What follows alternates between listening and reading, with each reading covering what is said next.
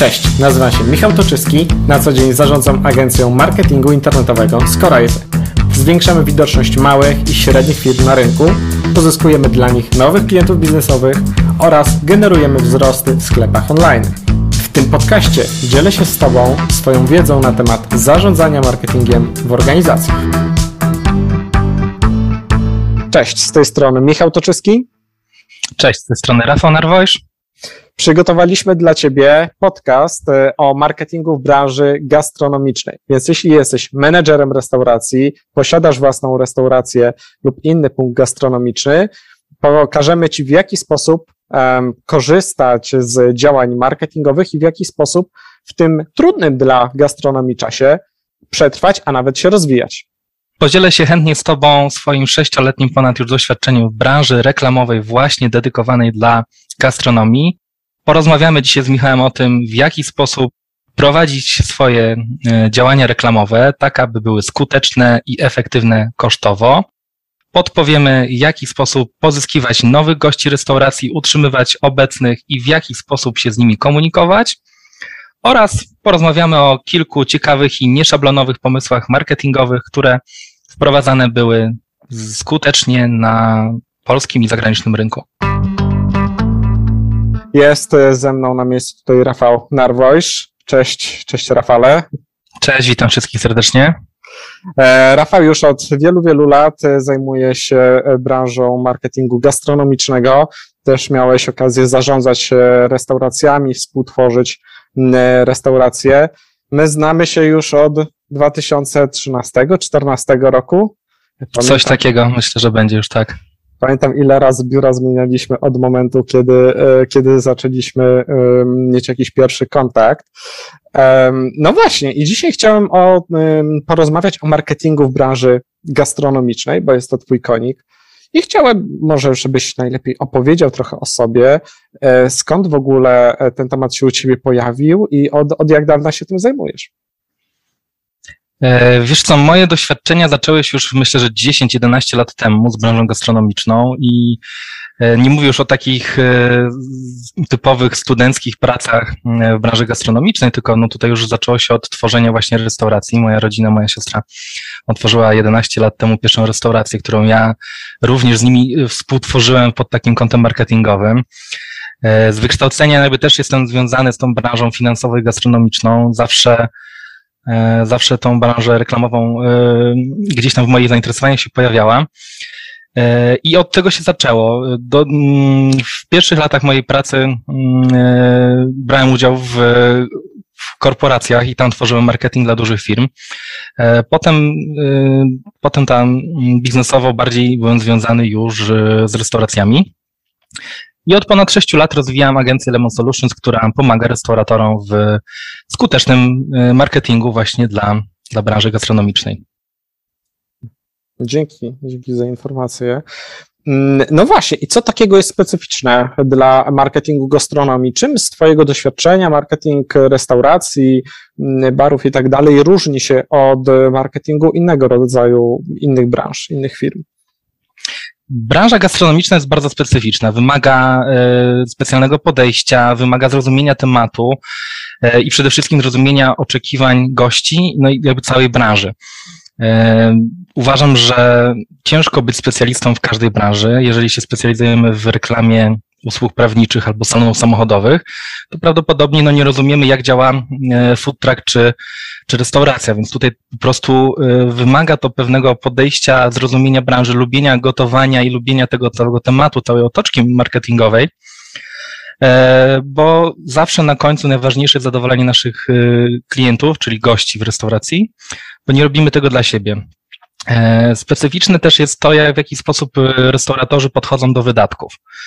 Otwarcie restauracji to duże koszty, tak? Mm, spokojnie można wydać milion złotych na otwarcie restauracji. I tam jakby nie mają ludzie z tym problemu, natomiast wydatki na marketing zawsze są taką kulą u nogi. E, do tego stopnia, że, że pan potrafi otworzyć restaurację za milion złotych, a potem żałuje 1500 złotych na, na logo restauracji. I tworzą się takie e, koszmarki e, marketingowe, niedopracowane koncepty, które później upadają po prostu. Rzeczywiście uważasz, że poprzez te działania marketingowe, czy swoją stronę internetową, restauracja może upaść, nawet jeśli ma dobre menu, czy po prostu ma przemyślany koncept? Jest bardzo dużo restauracji, które zasługują na to, żeby miały duży ruch, a nie mają. I odwrotnie, jest bardzo duża grupa restauracji, szczególnie w Warszawie, która totalnie nie zasługuje na to, że stoją do nich kolejki codziennie i to jest zasługa dobrego marketingu. Pewnie, jeśli serwujemy najlepsze jedzenie w mieście, to pocztą pantoflową, poleceniami czy jakimiś e, zmiankami takimi szeptanymi, damy radę utrzymać się, się na rynku. Natomiast na pewno nie będzie to wykorzystanie optymalnie naszej, e, naszych możliwości biznesowych. E, jeżeli chcemy optymalizować te koszty, no i wiadomo, że to wszystko, wszystko rozkłada się w czasie, to ważne, żeby ten marketing e, budować, budować świadomość, budować przede wszystkim wspólny koncept marketingowy. Bo tym problemem, który zazwyczaj e, restauracje się borykają, jest to, że coś do siebie nie pasuje. Goście restauracji to nie są oczywiście eksperci e, marketingowi ani marketingowcy, tylko to są przeciętni ludzie tak, z różnych branż. Oni nie, nie są pewnie w stanie wskazać palcem dokładnie, co tutaj nie gra, tylko wchodzą do danego miejsca i widzą, że coś tu się nie trzyma ze sobą kupy. Czasem jest to wystrój, czasem jest to atmosfera, może być muzyka, czy, czy nawet nazwa i, i forma skonstruowania menu. Po prostu do siebie nie pasuje w taki sposób, że jakoś podświadomie cię odpycha. Wydawanie tutaj pieniędzy na marketing i tworzenie tego spójnego konceptu marketingowego sprawia po prostu, że wchodzimy i czujemy się dobrze. Widzimy, że te, te puzzle, te układanki do siebie e, dobrze pasują i że ten koncept po prostu ma ręce i nogi. No właśnie, a jakie są najczęstsze problemy właścicieli restauracji, menedżerów e, firm gastronomicznych, e, no właśnie tych osób, które przychodzą do ciebie e, z poszczególnymi tematami marketingowymi? Myślę, że najczęstszym problemem restauratorów i właścicieli jest to, że nie mają spójnego pomysłu i konceptu na to, jak te działania prowadzić. Posiłkują się często takimi wyrywkowo stosowanymi ad hocowymi działaniami, które totalnie do siebie nie pasują, tak jakby łapią różne sroki E, za ogon, e, starając się kopiować może rozwiązania konkurencji, patrząc na jakieś wzory z internetu. Natomiast jakby no tutaj najważniejsze jest to, żeby dopasować to do naszego konceptu i do naszej grupy docelowej, bo żeby wiedzieć w jaki sposób mówić i, i co mówić, to musimy przede wszystkim najpierw ustalić, do kogo to mówimy. E, podczas rozmów z klientami bardzo często zadaję im pytanie, w zasadzie jest to jedno z pierwszych, tak? Jaka jest nasza grupa docelowa tej firmy i w 90% naprawdę może, możemy to policzyć. Spotykam się z odpowiedzią, dla każdego coś musi być, tak? Tutaj dla kobiet to jest sałateczka, dla dzieci to jest makaron z klopsikami, jest pizza, no bo w każdej polskiej restauracji musi być pizza, no wiadomo, steki, a jeszcze na czosy zrobiliśmy i bao w sumie też mamy, bo teraz słyszeli, że to modne. I wychodzi nam coś takiego, że jakbyśmy mieli jednym zdaniem podsumować, jaką restaurację pan czy pani prowadzi, to, to oni sami nie wiedzą. No to jeżeli już właściciel nie wie, jak to, co on prowadzi, to ciężko oczekiwać, że konsument, który pierwszy raz widzi i tylko widzi część jakby konceptu, będzie w stanie to miejsce przypisać do jakiejś danej grupy. To ja włożę jeszcze tutaj taki kij w mrowisko, bo zastanawiam się, skoro 90% osób właśnie tak odpowiada, to być może po prostu to tak działa i być może to funkcjonuje. Jak ty to obserwujesz? Myślę, że często jest tak, że nie trzeba wymyślać koła na nowo. E, bardzo proste koncepty i bardzo proste pomysły często się sprawdzają. E, w Warszawie jest około ponad 2000 restauracji w tej chwili. E, zdecydowana większość z nich to są restauracje włoskie, więc logika nakazywałaby wymyślać restauracje z Azerbejdżanu, Uzbekistanu albo Iranu, bo takich pewnie jest mało lub wcale. Natomiast te włoskie sobie radzą bardzo dobrze i tutaj wystarczy czasem robić coś po prostu prostego, ale lepiej niż inni. Okej, okay, czyli e, tutaj rekomendujesz właśnie zakładanie e, restauracji włoskich, czy jak mógłbyś jeszcze to rozwinąć? Co, co, co masz na myśli poza, poza tymi włoskimi restauracjami?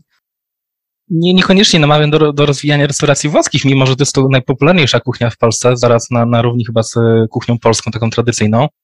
Natomiast ym, chodzi mi o pokazanie tego, że nie trzeba bardzo się wysilać i wymyśleć czegoś totalnie odjechanego, niszowego, bo czasem proste pomysły, dobrze zrealizowane, są wystarczająco dobrym konceptem. Chodzi o to, żeby tutaj, żeby wszystko od początku do końca do siebie pasowało. To jeżeli tworzymy tą naszą przysłowiową tutaj już włoską pizzerię i chcemy, chcemy, żeby tutaj nasi goście do, do nas przychodzili, no to musimy mieć nazwę trochę po włosku może, musimy mieć jakąś muzykę, która pasuje do tego miejsca, wystrój i kartę, która koresponduje z tym, co chcemy pokazywać. Jeżeli tworzymy restaurację hiszpańską, no to też tutaj muszą być te elementy charakterystyczne. Ludzie lubią wyraziste koncepty, tak? Czasem nawet mam tak, takie wrażenie, że lubią taką przaśność i festynowość. Jest parę przykładów nawet restauracji e, w Warszawie, gdzie na przykład kelnerka w restauracji meksykańskiej przy podawaniu rachunku strzela z kapiszonów, sternik podaje Zorro, gaśnie światło, gra muzyka, e, muzyka na żywo też w piątki czy, czy w soboty wieczorem. Ludzie lubią taką, taką wyrazistość, bardzo kolorowość, czasem nawet przerysowaną i, i pewnie dla rodowitych mieszkańców danego kraju pewnie nawet karykaturalną momentami. Natomiast e, no, dla polskiego konsumenta taką wyrazistość jak najbardziej e, jest mile widziana. No właśnie, a jak się do tego zebrać? Jak jestem właścicielem restauracji, prowadzę ją załóżmy przez kilka lat, do tej pory moja restauracja wyglądała inaczej, to, to mam dzwonić po, po, po Gesslerową, tak? Czy, czy mam zgłaszać się wtedy do ciebie, czy raczej to jest taki temat, z którym każdy właściciel restauracji musi poradzić sobie e, samodzielnie i zewnętrzny konsultant i takiej osoby nie wyręczy. Wiesz co, to dobre pytanie. No jakby polska gastronomia jest dość, dość mocno rozwinięta wbrew pozorom, tak? Jeżeli pojedziemy do, do krajów zachodnich typu Włochy, Niemcy, tutaj nie trzeba daleko szukać, to ta gastronomia, mam wrażenie, zatrzymała się tak 10-15 lat temu. To znaczy te koncepty nie są tak wyszukane, nie są, nie są tak dobrze marketingowo ograne. Polacy jakby przez to, że też coraz więcej podróżują, tworzą te, te, te restauracje na, na wyższym poziomie pod kątem marketingowym. Natomiast jeśli jeśli mówimy o takiej starej gastronomii, czyli że ktoś otworzył 15 lat temu restaurację, to były takie czasy, kiedy pewnie wystarczyło powiesić szyld nad wejściem, e, może rozdać ulotki gdzieś tam na przejściu dla pieszych i już generalnie pewnie kolejka po tygodniu gdzieś tam się tworzyła, bo tych miejsc po prostu było mało, rynek był na silnej y, fali wzrostowej, ludzie szukali nowych miejsc do wyjścia, no to pewnie te, te stare metody już przestają działać. I teraz trzeba trochę się zastanowić, czy to, co tworzyliśmy 15 lat temu, ma szansę odnaleźć się jeszcze w obecnym świecie, czy nie. Restauracje to też trochę jak, jak różne miejsca rozrywkowe. Akurat analogią jest czasem kluby nocne czy, czy miejsca takie rozrywkowe. One są zgrane po jakimś czasie. Po paru latach po prostu warto zmienić nazwę, trochę wystrój, żeby dać taki powiew świeżości. Nawet nie mówię już o zmianie, mm, zmianie właściciela. W restauracji też jest coś takiego. Trzeba co jakiś czas gdzieś tam to wnętrze odświeżyć, zmienić kartę, dodać trochę czegoś nowego. Nawet jeżeli ten koncept, na którym budowaliśmy y, pierwotnie biznes, jest sprawdzony, ugruntowany, to one wymagają odświeżenia i takich dostosowań do, do po prostu zmieniających się trendów na rynku i oczekiwań gości. No właśnie, to jak opowiadałeś o tym, jak e, restauracje zmieniały się przez ostatnich kilkanaście lat, to jak to wygląda teraz w kontekście pandemii, w kontekście właśnie tych e, zamykania restauracji rok czy dwa lata temu? E, jakie restauracje sobie poradziły, jakie nie? Od czego to zależało i jak ten rynek się w ogóle zmienił? Pandemia była bardzo ciekawym, możemy powiedzieć, to, to może brutalnie zabrzmi, ale ciekawym biznesowo sprawdzianem dla wielu, dla wielu firm. E, trzeba było bardzo szybko, praktycznie z dnia na dzień, dostosować do totalnie zmienionych e, warunków gry. Większość ludzi nie była na to przygotowana i też jakby nie każda restauracja w równy, w równy sposób mogła się do tego dostosować. Są lokale, które świetnie się sprawdzają na wynos, na przykład sushi, które praktycznie w ogóle nie traci na jakości nawet jak dwie godziny gdzieś sobie przeleży. Są restauracje, które totalnie nie mogą, nie mogą po prostu być na wynos. Owoce morza, kalmary po pół godzinie y, zamknięte w opakowaniu na wynos już po prostu są niejadalne. Pizza napolitańska, która też się bardzo teraz rozwija w Warszawie. Jak zamkniemy ją w pudełku, ona zaparuje, po dosłownie pięciu minutach traci totalnie swoją jakość, więc tutaj, tutaj ciężko było mówić o, y, o jakby takim prostym przełączeniu się, że odpalamy teraz y, pyszne.pl i, i zamawiarkę online i działamy w nowych okolicznościach, więc te firmy miały trudniej. Natomiast oni też popisywali się różnymi swoimi pomysłami marketingowymi. Widziałem wiele świetnych pomysłów. Były zestawy do robienia pizzy samodzielnie w domu dla, dla rodziców z dziećmi.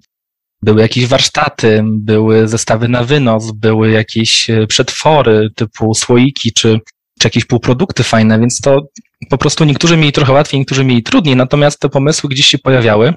Natomiast sama, sama pandemia nie była takim dużym, e, to było tylko moim zdaniem pierwszy, e, pierwszy krok, takie preludium do problemów, które się zaczęły teraz. E, I bardziej myślę tutaj o inflacji i o stale naprawdę już teraz mocno rosnących kosztach życia. Ta oficjalna inflacja teraz oscyluje około 14%, natomiast to też jest zależy, jak ten koszyk sobie liczymy. taki reprezentatywny koszyk konsumenta, restauratorzy dostali dużo mocniej pod, pod kątem kosztów pracy, pod kątem e, kosztów energii, kosztów produktów, do tego, do tego stopnia, że czasem standardem do, do tej pory były wyceny na 2-3 miesiące ceny. Teraz przy każdym zamówieniu e, restauratorzy dostają cenę dnia po prostu. Więc to jakby tworzenie cen, tworzenie biznesplanów i liczenie food costu jest wyjątkowo trudne w obecnych czasach. I to będzie największy sprawdzian w najbliższym czasie, moim zdaniem. I myślę, że niestety po prostu tutaj przyjdzie jakieś oczyszczenie na rynku, dużo biznesów upadnie, po to, żeby rynek się oczyścił. Nie życzę tego oczywiście nikomu, natomiast myślę, że tutaj najcięższe jeszcze przed nami. No właśnie, to w takim razie jak uważasz, jak się zabezpieczyć przed e, takimi zmianami na rynku, jak się do tego dostosować? Powiedziałeś o liczeniu kosztów i, i częstych aktualizacjach cen, żeby być świadomym tego, co się, e, co się dzieje na rynku, jakie rzeczywiście koszty ponosimy. Natomiast no, mam też trochę wrażenie, że to jest taka droga też w jedną stronę, że jak e, codziennie będziesz aktualizował koszty z myślą też o ich zwiększeniu, to też wpływa na liczbę osób, które odwiedzają Twoją restaurację. Jakie są w ogóle jeszcze opcje postępowania i, i co możemy zrobić, aby nasza restauracja przetrwała, a nawet rozwijała się w pandemii, nie tylko w pandemii, w tej obecnej sytuacji, nie tylko przetrwała? Oczywiście zgadzam się z tym, co powiedziałeś, że y, restauracje i biznesu nie tworzą księgowi, tak? I, i to, co Excel przyjmie, to niekoniecznie przyjmie nam e, statystyczny konsument i, i, jest pewna granica taka psychologiczna, taki próg bólu. Każdy ma pewnie oso, o, osobiście gdzieś go tam zawieszonego. Natomiast ludzie już się borykają z tym, że wyjście do restauracji w Warszawie jest tak dużym wydatkiem, że naprawdę nawet średnio zamożne osoby już mówią, że, że dość, to jest po prostu za dużo. Płacenie 40 zł za zupę, czy czy 60 zł za danie, które po prostu nie jest tego warte, sprawia, że ludzie przestają chodzić, albo jeżeli chodzili trzy razy w tygodniu, no to teraz idą raz na tydzień, będą chodzić jeszcze rzadziej. Na pewno dobre biznesy, wracając jeszcze do Twojego pytania, zawsze przetrwają, tak? To nie jest tak, że upadną wszystkie restauracje i, i nagle mm, obudzimy się na pustyni, tak jak, nie wiem, po, po, po jakichś zmianach ustrojowych, kiedy tam nie było praktycznie w ogóle takich prywatnych biznesów. Więc dobre miejsca na pewno y, zawsze się utrzymają. Natomiast jakby bardziej e, skupiłbym się na takim wskaźniku value for money, czyli to, czy to, co oferujemy tej, w tym wydaniu jest po prostu tego warte.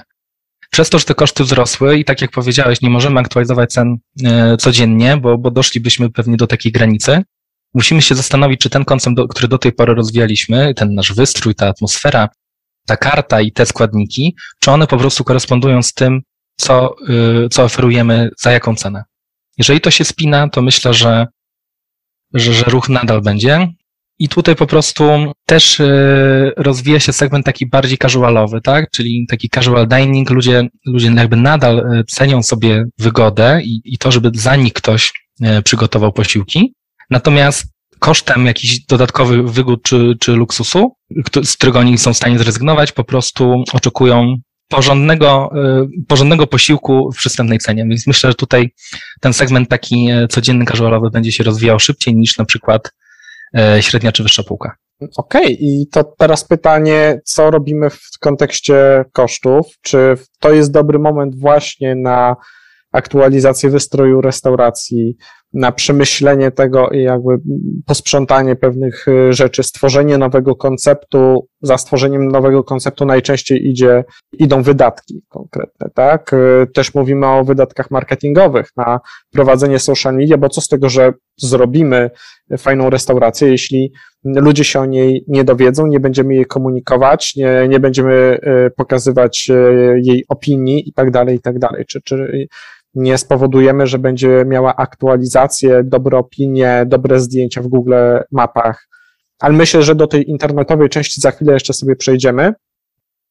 E, czyli właśnie, czy to jest dobry moment na zwiększanie wydatków marketingowych, skoro wszystkie inne wydatki też, też rosną? I... Myślę, że jak najbardziej, bo właśnie wtedy, kiedy, kiedy sytuacja się pogarsza i kiedy koniunktura jest gorsza, Musimy optymalizować te koszty oczywiście tam, gdzie jest to możliwe, przejrzeć trochę naszą listę dostawców, może bardziej pochylić się nad food costem, czy na, nawet nad strukturą zatrudnienia. Natomiast wydatki marketingowe jak najbardziej należałoby zwiększać, bo po prostu bez tego będzie nam coraz trudniej. Gdyby były czasy y, prosperity i pełne wszystkie restauracje, to pewnie te wydatki marketingowe byłyby mniej istotne. Natomiast kiedy ta koniunktura się pogarsza, to tak jak powiedziałeś, no jeżeli tych restauracji mamy ponad 2000 w Warszawie, I nawet jeśli my wprowadzimy sobie te zmiany, y, opracujemy nowy koncept, przygotujemy kalendarz promocji, doprecyzujemy grupę docelową i, i te wszystkie zmiany, o których tutaj rozmawiamy, wprowadzimy w życie nawet w prawidłowy sposób, to musimy jeszcze w jakiś, w jakiś przemyślany, spójny i skuteczny sposób poinformować o tym naszych potencjalnych odbiorców. Tutaj oczywiście e, znowu mamy dwie drogi do wyboru, tak? Możemy te wszystkie działania robić samemu, możemy je zlecać na zewnątrz. E, robienie samemu jest taką pokusą, e, myślę, biznesową zawsze. Natomiast no, nie można być specjalistą w każdej dziedzinie, tak? Jeżeli właściciel restauracji chciałby stanąć na kuchni i gotować, mógłby również chcieć obsługiwać na sali, może rano robić zakupy, a po południu jeszcze rozwozić zamówienia na wynos, no to w pewnym momencie okaże się, że tak naprawdę nad niczym nie panuje, nigdzie go nie ma, jest, wszystko wie pobieżnie e, i po prostu nie ma na to czasu. Więc tak samo jest z marketingiem. Oczywiście, jeżeli mamy czas i mamy ludzi, którzy się na tym znają, możemy robić to samemu. Czemu nie? Jest wiele restauracji, które świetnie sobie radzą, bo mają po prostu ogarniętą menadżerkę, która iPhone'em dosłownie robi zdjęcia, e, razem z kelnerkami czy, czy barmanami trochę powygłupia się na Instagramie czy na TikToku i to wychodzi świetnie i naturalnie. Natomiast no nie każdy ma tyle szczęścia i, i po prostu pracuje z ludźmi, którzy którzy taką smykałkę mają, więc tutaj myślę, że należałoby się posilić wsparciem zewnętrznym, marketingowym, a zająć się tym po prostu, co wychodzi nam najlepiej, czyli może zarządzaniem personelem, tworzeniem strategii, czy, czy budowaniem biznesu. Tak samo w przypadku reklam, no myślę, że, że doskonale wiesz, bo tutaj twoja firma tym się zajmuje, e, optymalizacją wyników i kosztów. Ustawienie posta promowanego na Facebooku nie wymaga specjalisty, tak? Kliknąć promuj post, to może każdy. Natomiast wtedy pieniądze będą tak szybko przepalane, że, że nie ma to kompletnie sensu. To też nie chodzi o to, żeby, żeby budżet, jaki zakładamy na, na marketing, przepalić na jedną reklamę. To trochę tak analogicznie. Moglibyśmy mm, posłużyć taką anegdotką. Reklamując swój pomysł na biznes, możemy kupić megafon i stanąć przy metrocentrum, tam nad patelni i krzyczeć do wszystkich, że halo, mam restaurację, mam świetny biznes, przyjdź do mnie zasięg pewnie będzie bardzo duży tego, natomiast skuteczność tego będzie bardzo mała, bo to, to, to może nie być w ogóle miejsce, które e, odwiedzają nasi konsumenci. Myślę, że skuteczniejszym jest dotarcie precyzyjnie do nawet małej, wąskiej grupy osób, gdzie oczywiście koszt pewnie per capita jest większy, natomiast chodzi o to, żeby, żeby te działania były skuteczne, a nie, e, a nie szeroko, e, szeroko zakrojone. Myślę, że to jest ta różnica, która jest taka pokusa właśnie też w właścicielach restauracji, żeby mieć na przykład dużo lajków. E, ja zawsze powtarzam, że lajki czy, czy, czy, czy właśnie liczba followersów na Instagramie nie jest w ogóle wyznacznikiem sukcesu i to już musimy się do tego przyzwyczaić. No właśnie, a mówisz o tych lajkach, dlatego że te lajki łatwo jest zmierzyć. Po prostu widać, że ktoś lubi albo nie lubi, a często nie wiemy, ile osób z kampanii e, marketingowej weszło do restauracji. Są narzędzia, które to umożliwiają, są narzędzia, które umożliwiają śledzenie liczby telefonów, e, ewentualnie wysłanych e-maili do, naszej restauracji, choć to bardziej pod kątem rezerwacji stolika, czy też Google Moja Firma umożliwia nam sprawdzenie, jak dużo osób e, odwiedziło nasz lokal. Natomiast pytanie, w jaki sposób ty mierzysz skuteczności e, tych działań marketingowych i na ile jesteśmy w stanie rzeczywiście to zmierzyć? No i tu dochodzimy właśnie do sedna e, i istoty tworzenia kampanii reklamowych. Jeżeli nie ustalimy sobie wcześniej celu i założeń i tego, w jaki sposób ten cel chcemy zrealizować, no to pewnie on będzie bardzo trudny do zmierzenia. Zgadzam się z Tobą, tak? To nie jest tak prosto w restauracji, jak na przykład w biznesie internetowym w e-commerce, że możemy śledzić e, każdy krok, e, jaki pokonuje nasz e, klient w internecie, od, od kliknięcia w reklamę po przejście do koszyka i dokonanie płatności i zakupu. W restauracji faktycznie jest trudniej, tak? No bo gość przychodząc do restauracji nie mówi skąd przyszedł i nikt mu nie zadaje tego pytania, tak? Byłoby to bardzo niekomfortowe i trudne nawet do, y, do, do mierzenia i potem analizowania. Natomiast jeżeli e, przyjmujemy sobie jakiś konkretny cel, wyznaczamy na przykład, że chcielibyśmy, żeby nasza restauracja sprzedawała więcej deserów albo więcej kawy i deserów. Koordynujemy z tym y, powiązane działania marketingowe w social media, e, w kampaniach reklamowych, na przykład na, w Google. Do tego dodajemy działania offline'owe, no to, to, to te efekty i skuteczność całego pomysłu i całej kampanii, na którą składa się oczywiście wiele touchpointów, jest bardzo łatwo zmierzyć. No, mierzymy, ile było wcześniej sprzedanych deserów, ile mamy w tym, jaka była średnia wielkość rachunku wcześniej, jaka jest teraz. E, więc jakby kluczowym jest tutaj stworzenie sobie pomysłu, co chcemy osiągnąć i do tego dopiero dostosowywanie e, działań marketingowych.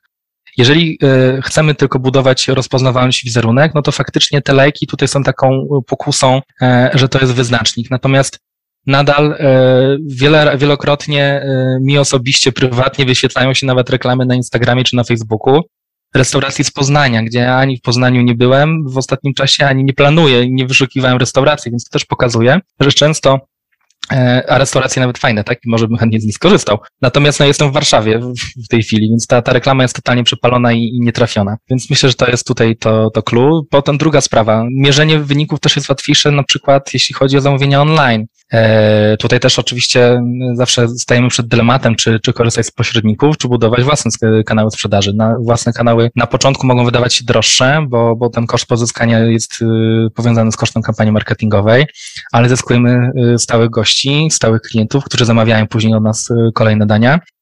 I tutaj teoretycznie już później za te, za te powracające zamówienia nie musimy płacić, tak? Pośrednicy są dobrym rozwiązaniem na samym początku i szybko dają efekty, no bo pyszne Uber, Glovo, Volt i, i wszyscy inni praktycznie z dnia na dzień potrafią już wygenerować dla nas sprzedaż i ruch. Własny kanał pewnie jeszcze tak szybko nie.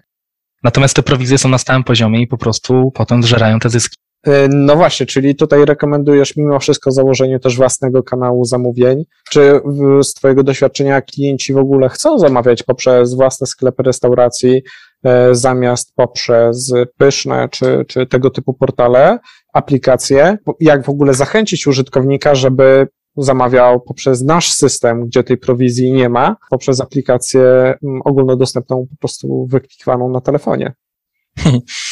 Oczywiście, odpowiadając na Twoje pytanie, ludzie nie chcą, tak? E, wygodniej jest trzymać jedną czy dwie aplikacje najpopularniejsze na telefonie i sobie zamawiać codziennie restauracji, a nie, nie, nie za każdym razem gdzieś tutaj bawić się czy w aplikację, czy strony online, czy jakieś wtyczki do, e, do fanpage'y, przez które można zamówić. Natomiast e, musimy starać się budować relacje z naszymi gośćmi, tak? To, to taki sposób, żeby oni czuli się częścią tej firmy yy, i to też jest jakby to jest element większego, większego konceptu marketingowego i tych wszystkich działań, tak? To znaczy po to, żeby budować społeczności oparte na, na, na pewnych właśnie miejscach i lokalach, żeby ci ludzie czuli się z nami związani. Dobrym sposobem na pewno jest na samym początku, kiedy zaczynamy współpracę z firmami pośredniczącymi w zamówieniach na wynos, czyli właśnie pyszne glowo i, i tak dalej, dorzucić od siebie coś w, w jakąś formę taką personalizowanego podziękowania. Może to być karteczka, może to być lemoniada na wynos, może to być jakiś mini deser. Takim podziękowaniu super, fajnie, że dzięki, że u nas zamawiasz. E, bardzo nam miło. Następnym razem może chciałbyś wejść na stronę i zamówić tutaj z tym kodem. Dostaniesz coś od nas w podziękowaniu, tak? No to są rzeczy, taka, taka zasada wzajemności. Myślę, że tutaj jak najbardziej się sprawdza. E, a przy okazji buduje bardzo fajny wizerunek. I myślę, że tutaj generalnie też jest taka zasada, że w gastronomii, w restauracjach dużo łatwiej i, i lepiej dawać coś od siebie niż obniżać cenę, tak? Teoretycznie obniżenie o 10 zł rachunku i danie czegoś o wartości 10 zł z perspektywy konsumenta i klienta jest takie samo, teoretycznie. Natomiast z perspektywy restauracji oczywiście dużo korzystniej jest to, jest dorzucić coś od siebie po prostu, bo, bo my dajemy to po koszcie wytworzenia, a nie po, po cenie z menu.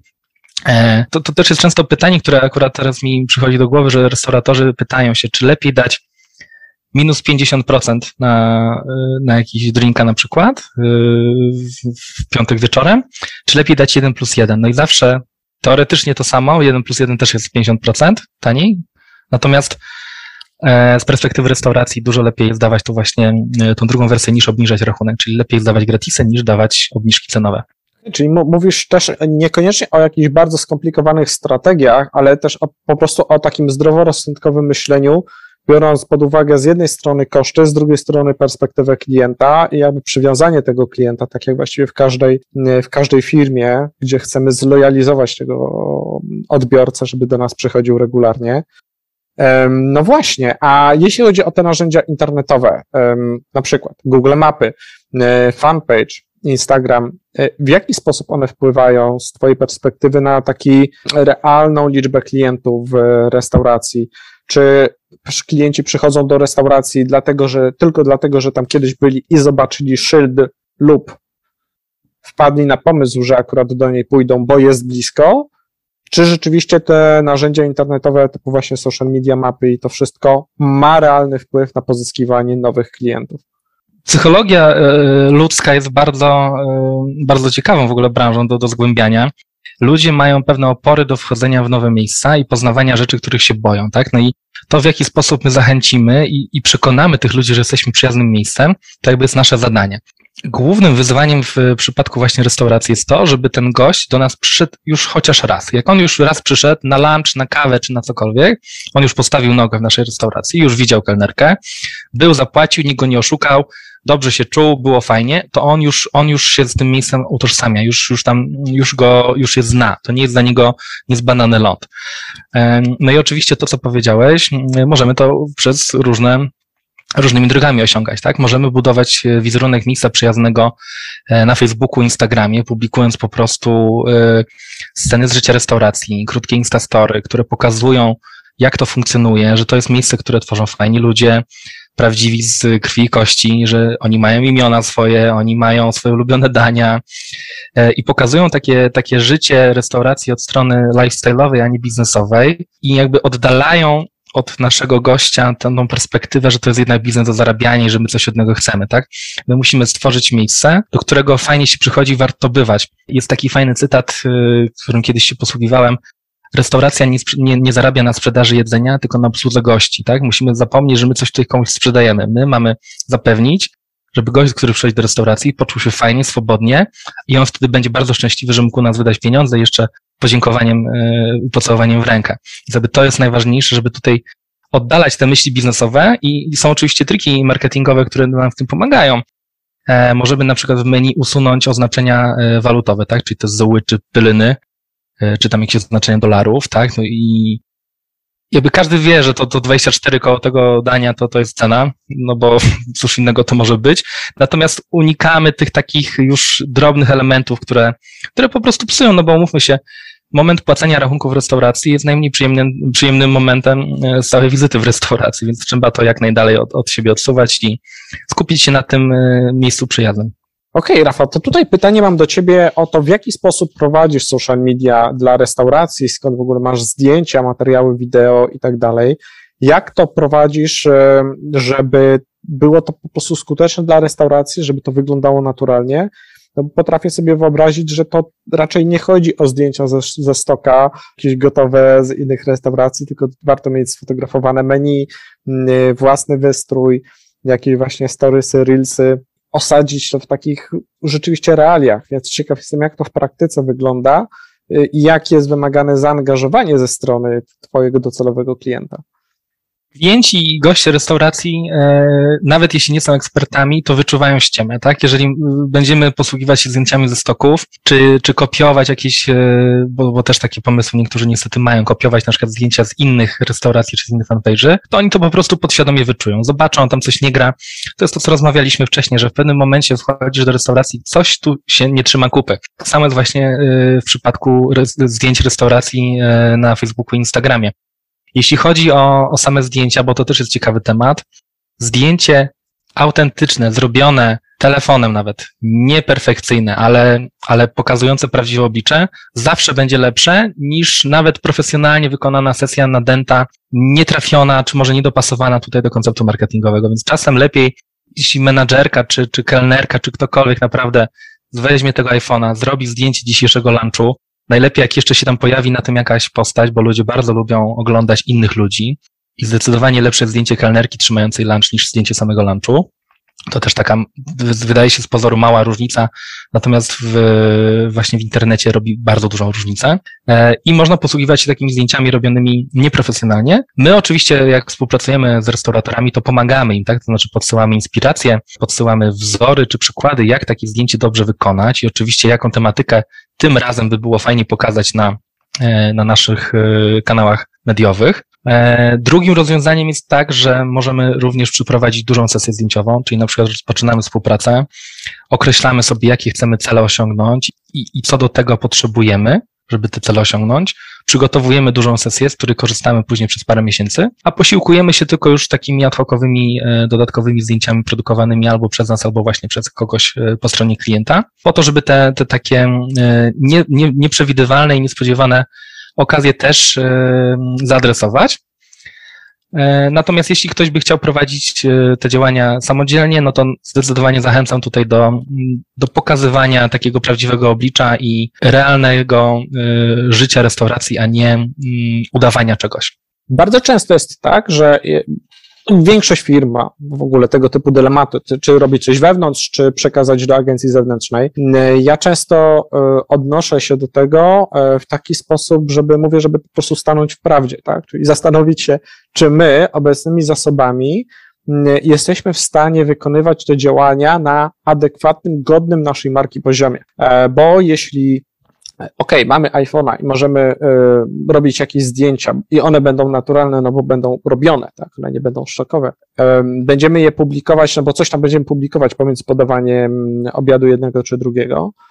Y, natomiast, czy to jest coś, co nas przybliży do celu? Do tego właśnie zachęcam, żeby się nad tym zastanowić, czy my jesteśmy w stanie to zrobić w odpowiednim, na odpowiednim poziomie, i po drugie, czy my jesteśmy w stanie to robić regularnie, bo czasami spotykam się z tym, że um, ktoś mówi, OK, OK, będziemy to robić sami i przez miesiąc, dwa to się dzieje, e, ale już po, po tych dwóch, trzech miesiącach e, zawsze coś innego jest ważniejszego.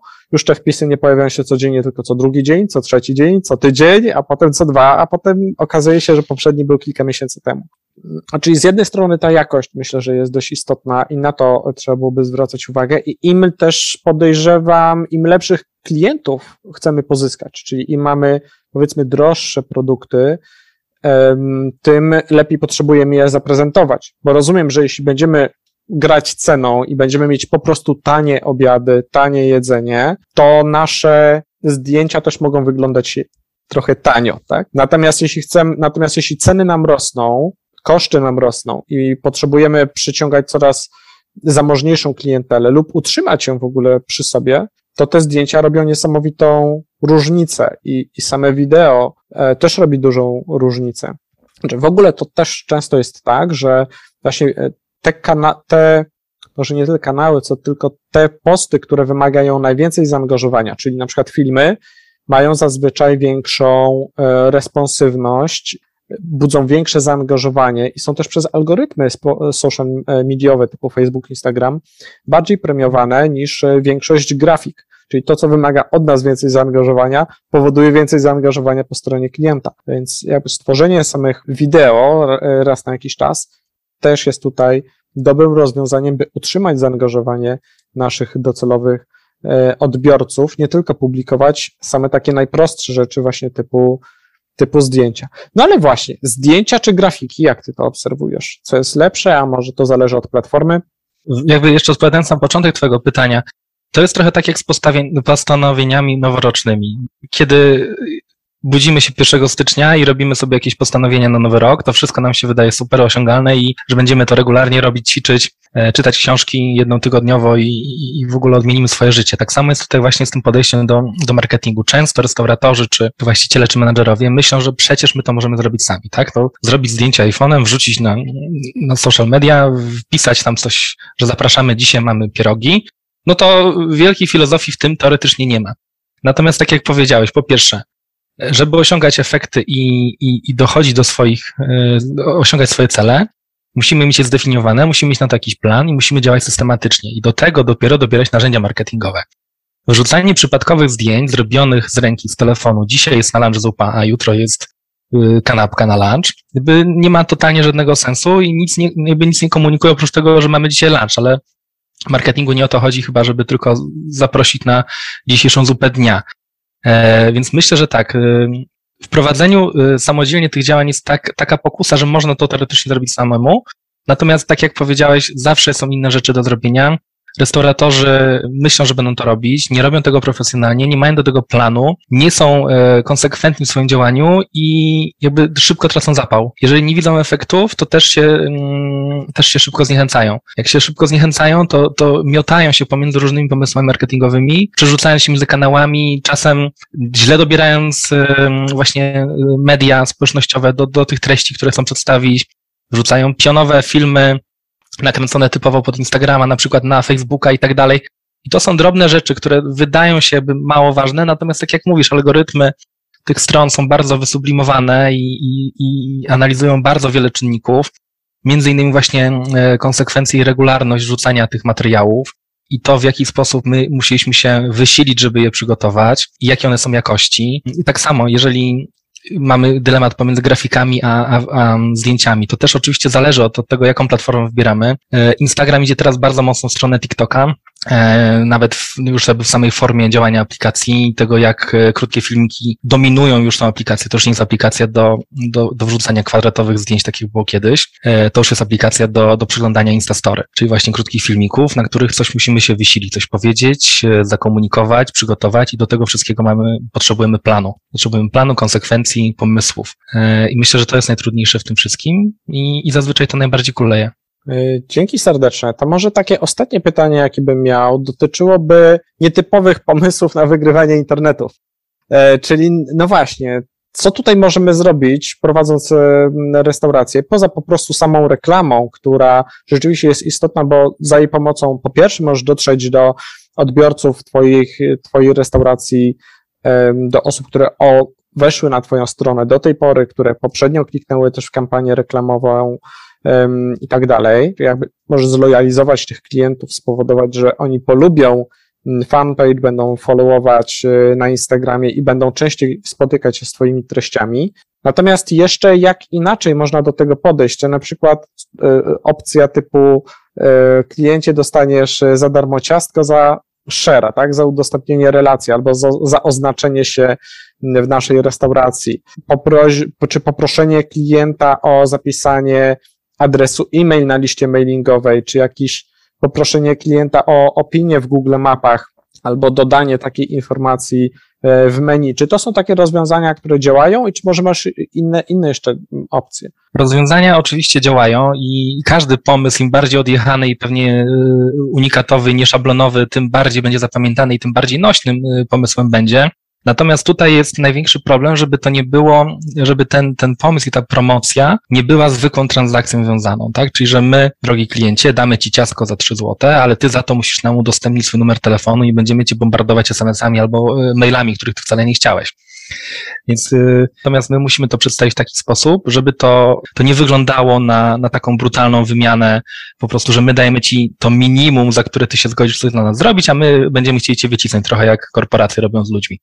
Mam jeszcze jedno pytanie do Ciebie. E, mianowicie chodzi o nietypowe pomysły na wygrywanie internetów. Takie rzeczy jak na przykład transakcje wiązane typu ciastko za oznaczenie się w naszej restauracji, albo, e, albo jak podasz e-maila, to dostaniesz od nas e, bezpłatny koktajl.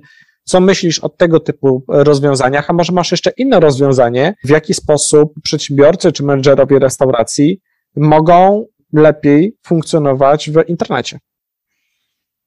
Wiesz co, e, tego typu działania, im bardziej wyszukane, im bardziej odjechane i bardziej szablonowe, na pewno są e, mile widziane i wskazane.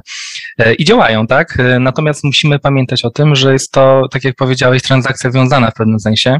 To znaczy my coś od ciebie chcemy, chcielibyśmy, żebyś to zrobił i w zamian za to dajemy ci jakąś formę e, przekupstwa, tak? I musimy to ograć takimi słowami w takiej formie, żeby nikt nie czuł się wykorzystany e, i po prostu zrobił to z chęcią, tak? Myślę, że tutaj bycie takim transparentnym i, e, i szczerym w tym wszystkim jest, jest kluczowe, tak? To znaczy, że Możemy to zrobić w jakiejś miłej formie. Możemy napisać, fajnie, że do nas padłeś. Jeżeli ci się podobało, będziemy mega szczęśliwi, jeśli dasz nam lajka, bo przy każdym lajku e, nasza ekipa e, przybija sobie piąteczkę na kuchni, wiesz, czy coś w tym stylu. E, oczywiście zależy, jaki to jest typ lokalu i czy taki typ komunikacji do tego pasuje. Natomiast warto pokazywać tutaj, że, że jest to, to biznes, który tworzą ludzie i którzy, ludzie, którzy to tworzą z pasją, a nie tylko po to, żeby kogoś oszukać na, na pieniądze, tak? Więc to jesteśmy w biznesie i jakby chcemy, żeby ci ludzie do nas zostawiali pieniądze, natomiast musimy jak najbardziej ukrywać ten fakt i starać się skupiać na wszystkim innym przyjemnym, a nie tylko tym aspekcie finansowym. Nietypowe działania,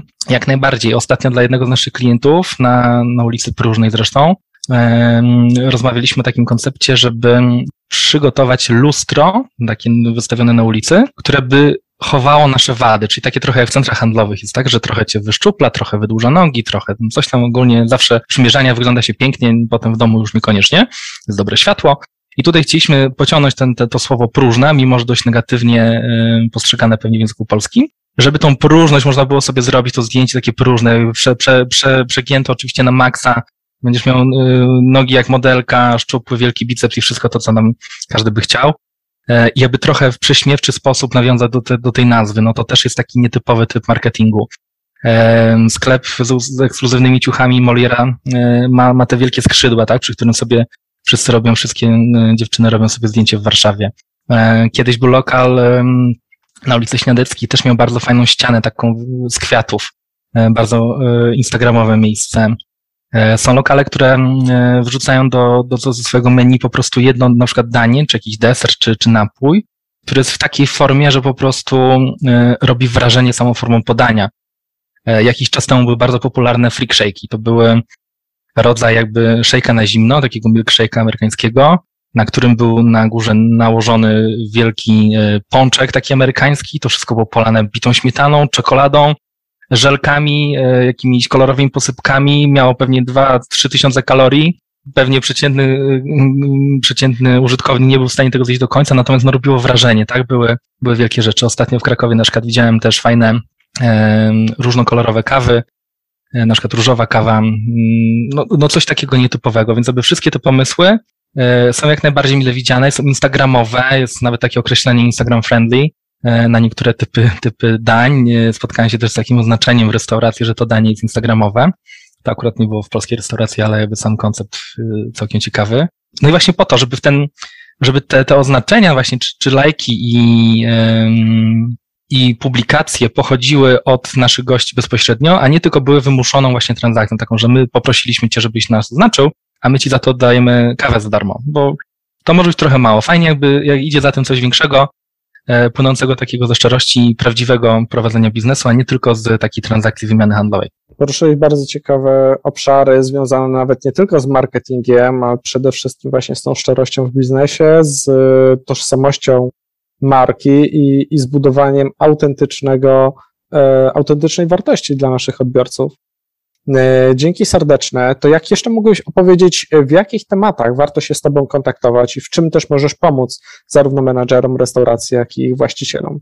Na pewno zachęcam wszystkich e, właścicieli, menadżerów restauracji, którzy potrzebują wsparcia marketingowego takiego na, na co dzień, to znaczy prowadzenia swoich kanałów social media, przygotowania fotografii reklamowych czy optymalizacji przy prowadzenia kampanii reklamowych bo możemy im pomóc w tym, jeżeli robią to do tej pory w jakiś sposób, my możemy im pomóc optymalizować koszty, przygotować to profesjonalnie i przygotować plan, strategię komunikacji, po to, żeby te komunikaty nie szły w próżni i przynosiły efekty.